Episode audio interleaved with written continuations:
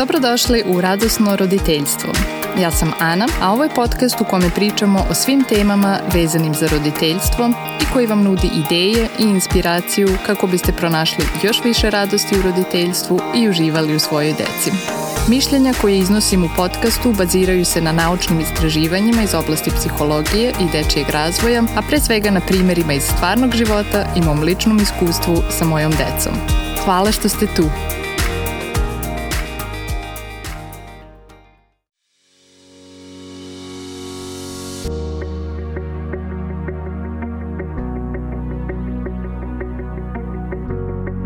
Danas pričamo o tome zašto su kazne problematične i šta možete da uradite umesto da kaznite dete. Možda se pitate zašto da ne koristim kazne? Kako će dete onda naučiti šta je dobro, a šta ne i kako da se ponaša?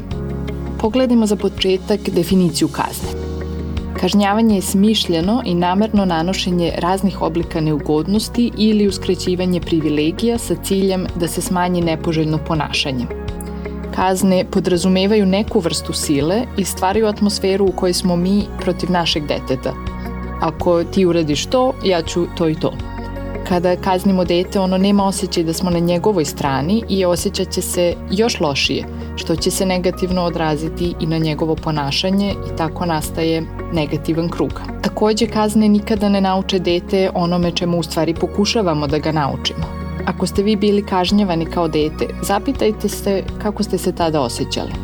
Kada kažnjavamo decu, na primer, pošaljemo ih u time out, ona se često osjećaju ljuto, misle da ta kazna nije fair, da ih ne razumemo, a možda i planiraju kako da sledeći put ne budu uhvaćeni ili smišljaju na koji način oni mogu nas da kazne. Ovo su često deca koju svoju agresiju eksternalizuju, koja se svađaju i povređuju drugu decu. Druga česta reakcija je da dete misli da zaslužuje kaznu. Dete internalizuje kaznu i nauči da nešto sa njim nije u redu. Deci je teško da razlikuju svoje ponašanje na koje mi reagujemo kaznom od sebe samih, tako da kada ih kažnjavamo imaju osjećaj da su loši, da ne zaslužuju ništa bolje. U oba slučaja deca se ne osjećaju povezano sa roditeljima, a samim tim ne osjećaju se ni sigurno, ne razmišljaju o tome šta bi mogli drugi put bolje da urade i generalno se osjećaju loše. A kada se deca osjećaju loše, loše se i ponašaju. Kroz kaznu deca nauče i da je u redu nekome uraditi nešto neprijatno da bi ga naterali da nas posluša. Takođe, deca na ovaj način ne razvijaju moralnu svest o posledicama svojih postupaka. Ako, na primjer, udare brata, ne brinu se o tome da li to njega boli, nego razmišljaju kako da ne budu uhvaćeni. I na kraju, što je dete starije, to je sve teže sprovesti kaznu. Ako se, na primjer, oslanjate na timeout kada vaše dete bude imalo 6-7 godina, bit će fizički jako teško da koristite ovu metodu. Takođe sam često radila sa roditeljima koji više ne znaju kakvu kaznu da smisle, koje privilegije da oduzmu detetu, jer više nikakva kazna nema uticaja na detetovo ponašanje. Dakle, kazne nas udaljavaju i onemogućavaju cilj discipline, a to je učenje. Poreklo reči disciplina je od latinske reči disciplina koja znači učenje, podučavanje ili davanje instrukcija i nema nikakve veze sa kažnjavanjem. To znači da kada vaspitavamo decu, naš cilj nije da ih kaznimo, iako će to možda prekinuti detetovo ponašanje na kratko vreme, već da ih nečemu naučimo. Kako deca i odrasli najbolje uče. Deca uče kroz uzajamno poštovanje, kroz povezivanje, kroz blizak odnos sa osobom koja ih uči. Naša emotivna povezanost sa detetom je u isto vreme i naš najveći uticaj nad njim i u osnovi je svake saradnje. Ako naše dete često ne sarađuje, to ne znači da imamo loš odnos, ali svakako jeste poziv da napravimo pauzu i povežemo se ponovo sa detetom. U jednoj od narednih epizoda ćemo pričati više o tome kako da poboljšate i ojačate svoj odnos sa detetom. Ako se deca osjećaju blisko i povezano, mnogo je veća verovatnoća da će sarađivati i učiniti ispravnu stvar. Dakle, ta emotivna povezanost i uzajamno poštovanje su najvažniji deo našeg roditeljstva i najvažniji faktor kada pričamo o disciplini. Pored bliskog odnosa sa detetom postoji i nekoliko tehnika koje bi vam mogle olakšati postavljanje granica, a o kojima ćemo sada pričati. Prva tehnika je umiriti sebe. Kada smo ljuti, uznemireni, u žurbi, kada proživljavamo bilo koja intenzivna osjećanja, nismo u stanju da efektivno postavimo granice. Moramo prvo sebe da umirimo. To je ono što mirno roditeljstvo čini mirnim. Ovo je apsolutno prvi korak koji nije ni malo lak. Roditeljstvo je teško iz mnogo razloga, a po mom mišljenju ovo je jedan od glavnih. Većina nas nije naučila ovu veštinu u detinstvu, tako da ponekad imamo osjećaj da je prosto nemoguće da kontrolišemo svoje emocije. Ali pošto sposobnost naše dece da regulišu svoje emocije zavisi od naše pomoći, tehnika umirivanja sebe je najvažnija roditeljska veština.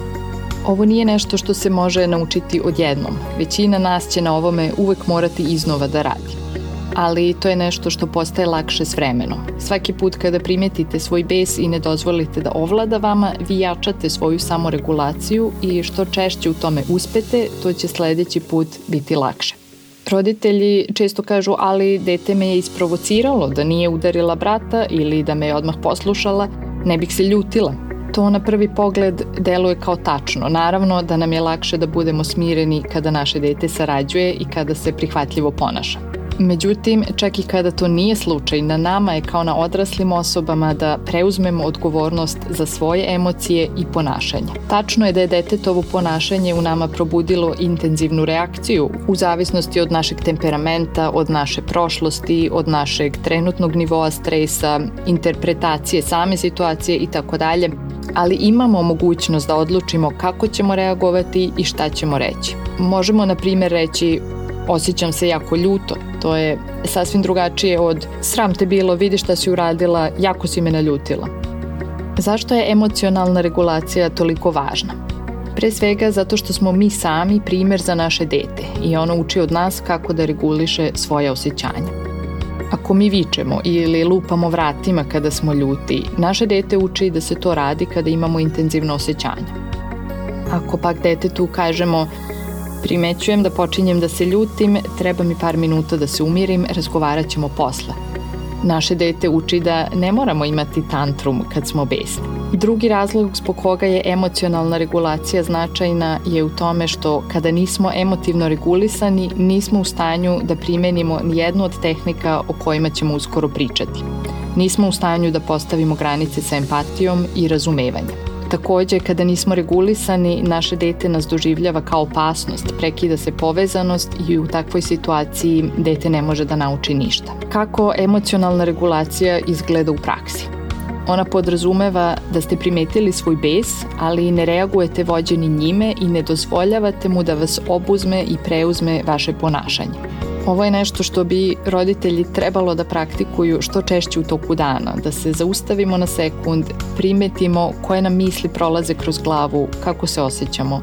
Danas se puno govori o tome, o mindfulnessu, o pridavanju svesne pažnje svojim mislima i osjećanjima. O tome postoji puno materijala i to je zaista nešto što će vam pomoći da primetite i intenzivnije osjećanja na vreme i zaustavite se pre nego što uradite ili kažete nešto zbog čega ćete kasnije zažaliti.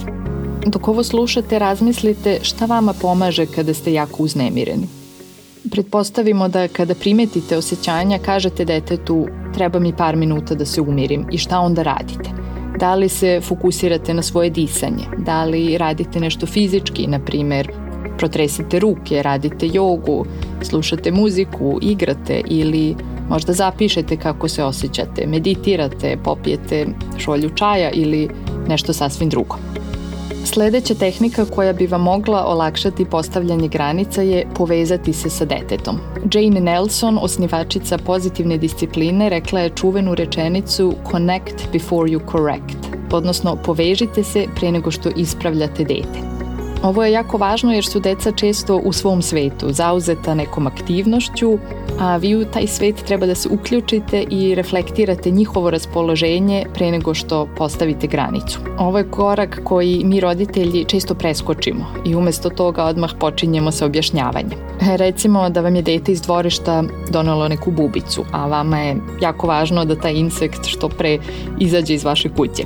Ako se prvo ne povežete sa detetom, ne podelite njihovo uzbuđenje i interesovanje, kažete na primer, wow, kako je interesantna bubica, hajde zajedno da je pogledamo malo bolje.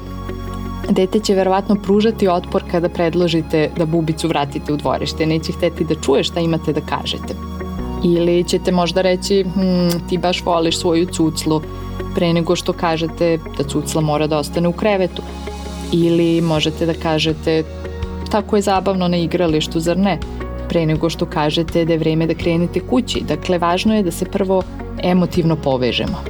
Dok ovo slušate, da li možete da se setite neke situacije koja se ponavlja, u kojoj biste mogli prvo da se povežete sa detetom kada se sledeći put desi? Naredna tehnika postavljanja granica je približiti se detetu. Ovo je jako važan korak, naročito ako je dete udubljeno u neku aktivnost. Možda se i vama dešavalo da vičete kroz ceo stan vreme da opereš zube i obučeš pidžamu Međutim, granice često mogu da se postave efektivno samo ako smo blizu svog deteta. Dakle, moramo privući njegovu pažnju, spustiti se na njegov nivo, uspostaviti kontakt očima. Ako često vičemo na dete iz druge sobe da stavi cipele na mesto ili bilo šta, to verovatno neće biti efektivno osim ako se ne približimo detetu, barem dok ove stvari ne pređu u naviku. Sledeća veština je da opišete ono što vidite. Dajte svom detetu korisne informacije bez osuđivanja i posramljivanja. Ovo nije lako za nas roditelje, ali moramo se ustržati od ishitrene reakcije i neutralno, objektivno opisati šta vidimo. Naprimer, crtaš po zidu, crtamo samo na papiru. Ili moramo sada da krenemo, vreme je za večeru. Ili pod je klizav zato što je mokar. Još jedna tehnika je da formulišete zahtev pozitivno. Recite šta hoćete da dete uradi, koje je vaše očekivanje, kako treba da se ponaša. Na primjer, umesto ne viči, recite pričaj tiše. Ili umesto ne vuci psa za rep, kažite budi pažljiv sa psom. Važna tehnika je i ponuditi izbor. Deca često ne sarađuju jer žele da imaju kontrolu i da odlučuju. I zašto im onda ne bismo dali kontrolu u situacijama u kojima je to moguće? Pitajte ih, na primer, da li hoćeš da hodaš do auta ili da te nosim, da li hoćeš da središ sobu pre ili posle večere, da li hoćeš da se tuširaš ili kupaš. Sledeća tehnika postavljanja granica podrazumeva da nađete rešenje zajedno sa detetom. Pokažite im da cenite njihovo mišljenje i uvažavate njihove potrebe. Ovo se naravno odnosi na malo stariju decu. Možete, na primjer, reći ti želiš još da ostaneš na igralištu, a ja bih da se vratim kući i počnem da kuvam večeru. Kako to da rešimo? Ako dete nema ideju, vi ponudite odgovor. Naprimer, šta misliš da sada krenemo kući, a da sutra dođemo ranije, pa da imaš više vremena da se igraš. Naravno, ovakvo pregovaranje je moguće samo ako imate vremena i strpljenja i u tom slučaju je dobra prilika da dete nauči da se konstruktivno zalaže za sebe, ne kroz plač ili kenjkanje da razvije ideje, da rešava probleme. Pritom je važno da slušate dete, sakupite sve ideje i onda zajedno odlučite koje su dobre, koje možete da iskoristite, a koje ne i zašto. I posle toga je važno da pokažete da ozbiljno shvatate detetove ideje, zapišite ih negde, napravite podsjednik u telefonu i slično. U postavljanju granica postoji i tehnika koja dozvoljava želju u mašti. Kada, na primjer, u prodavnici vaše dete želi nešto da kupi, a vi ste odlučili da to ne možete da kupite ovog puta, probajte da dozvolite tu želju u mašti. Na primjer, da, bilo bi divno da možemo da kupimo sve te automobile, baš su lepi. Ili ponudite da kao odgovor, ovo je nešto o čemu govori Dan Ziegel, da možeš da ideš kod prijatelja čim završiš domaći ili da možeš da crtaš ali na papiru. Ovo su načini da damo detetu do znanja da nam je stalo do njegovih želja, da mu pokažemo našu dobru nameru i zadržimo blizak odnos i dok postavljamo granice. Poslednja i možda najvažnija tehnika je aktivno postavljanje granice. Na kraju krajeva možemo da pregovaramo, možemo da se približimo, da se povežemo, da ponudimo izbor, ali ako naše dete ne sarađuje, morat ćemo da budemo aktivni u postavljanju granice.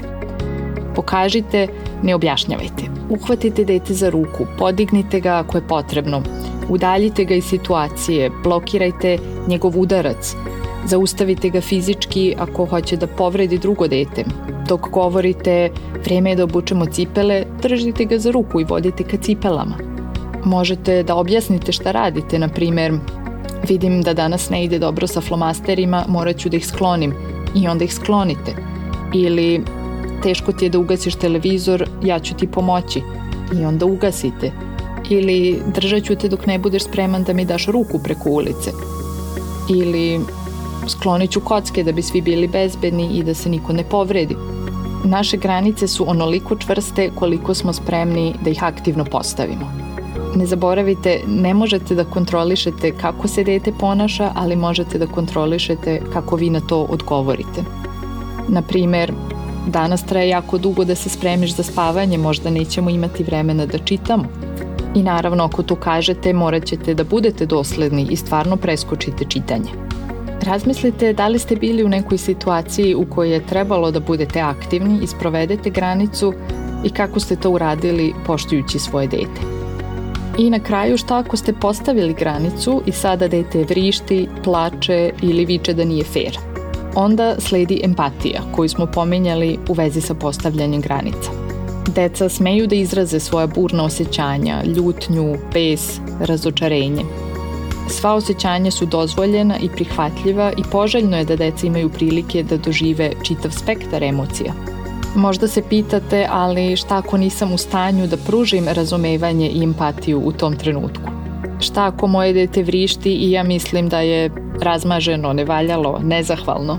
Sa jedne strane je tačno da deca osete kada nismo stvarno empatični i autentični u svom saosećanju, ali ja verujem da je empatija kao mišić koji moramo da koristimo da bismo ga ojačali moramo stalno da vežbamo da budemo empatični da bi osjećanje prešlo u pravu empatiju.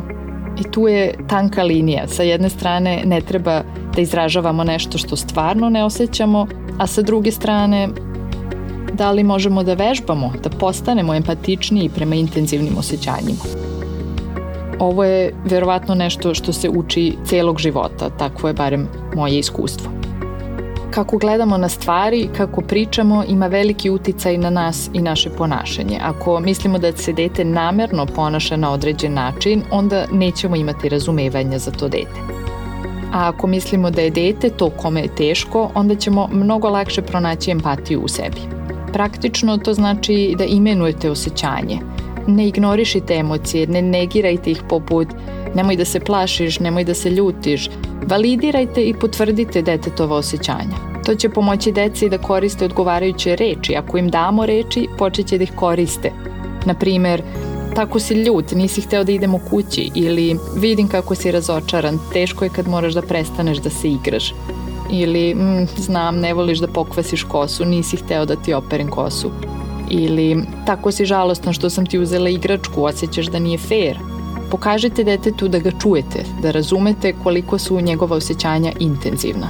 Na taj način i dete neće morati da postaje sve glasnije i glasnije da bi vam pokazalo kako se osjeća i imajte na umu svako doživljava stvarnost na svoj način. Ne postoji preterano reagovanje. Svako doživljava situaciju svojim intenzitetom. Ako vaše dete ne dobije plavu šoljicu, to je velika stvar za njega. Iako ima osjećaj da ga ne razumete, pokazivaće glasnije i glasnije svoje osjećanja. Zato pristupite detetovim osjećanjima kao nečem važnom. Slušajte, budite radoznali. Ne pokušavajte da skrenete pažnju detetu. Ostanite sa tim teškim osjećanjem možete reći nešto tipa ponekad smo jako razočarani kada ne možemo da uradimo nešto što smo hteli. Znam da ti je teško.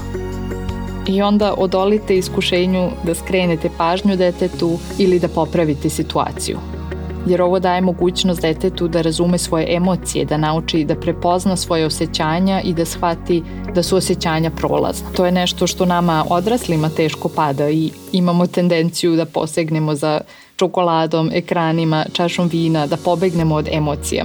Ali je važna veština naučiti da izrazimo i obradimo svoje osjećanja i prihvatimo da su ona deo života. Ne želimo da dete nauči da se uteši ekranima ili čokoladom. Ovakva situacija je prilika da dete razvija emocionalnu rezilijenciju uz našu ljubav i podršku.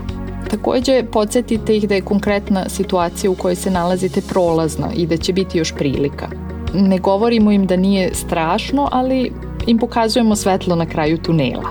Znamo iz istraživanja da su optimisti srećniji i zdraviji, tako da iako razumemo decu, hoćemo da im damo do znanja da će i to osjećanje proći i da će se osjećati bolje. Na primer, kada udariš prijatelja, ne možemo da se igramo jer udaranje boli. Otići ćemo sada kući, danas ti je bilo previše teško da budeš pažljiv, ti još uvek učiš, probat ćemo sledeći put. Ili kada noću dolaziš u moj krevet, ja ne spavam dobro i ujutru sam umorna. Odvešću te sada u svoj krevet, mazit ćemo se sutra ujutru. Ovde bih naglasila da naravno nemam ništa protiv spavanja u zajedničkom krevetu, ali znam da je problematična tema za puno roditelja, tako da sam to uzela kao primer. Ili danas nismo uspeli da crtamo vodenim bojama, hajde da upišemo u kalendar i probamo opet sutra. I na kraju budite topli, povežite se čim vaše dete bude spremno za to. Ne držite pridike, ne posramljujte dete, ne krivite ga. To jednostavno ne pomaže. Cilj je da se ponovo povežete sa svojim detetom. To možda znači da ćete morati da se podsjetite da je vaše dete vaša slatka bebica, da još uvek uči i da je vaš blizak odnos najvažniji. Možda ćete se zagrliti ili zajedno igrati ili čitati, bilo šta da pokažete detetu da ste spremni da se povežete, da činjenica da ste postavili granicu nema negativnog uticaja na vaš odnos.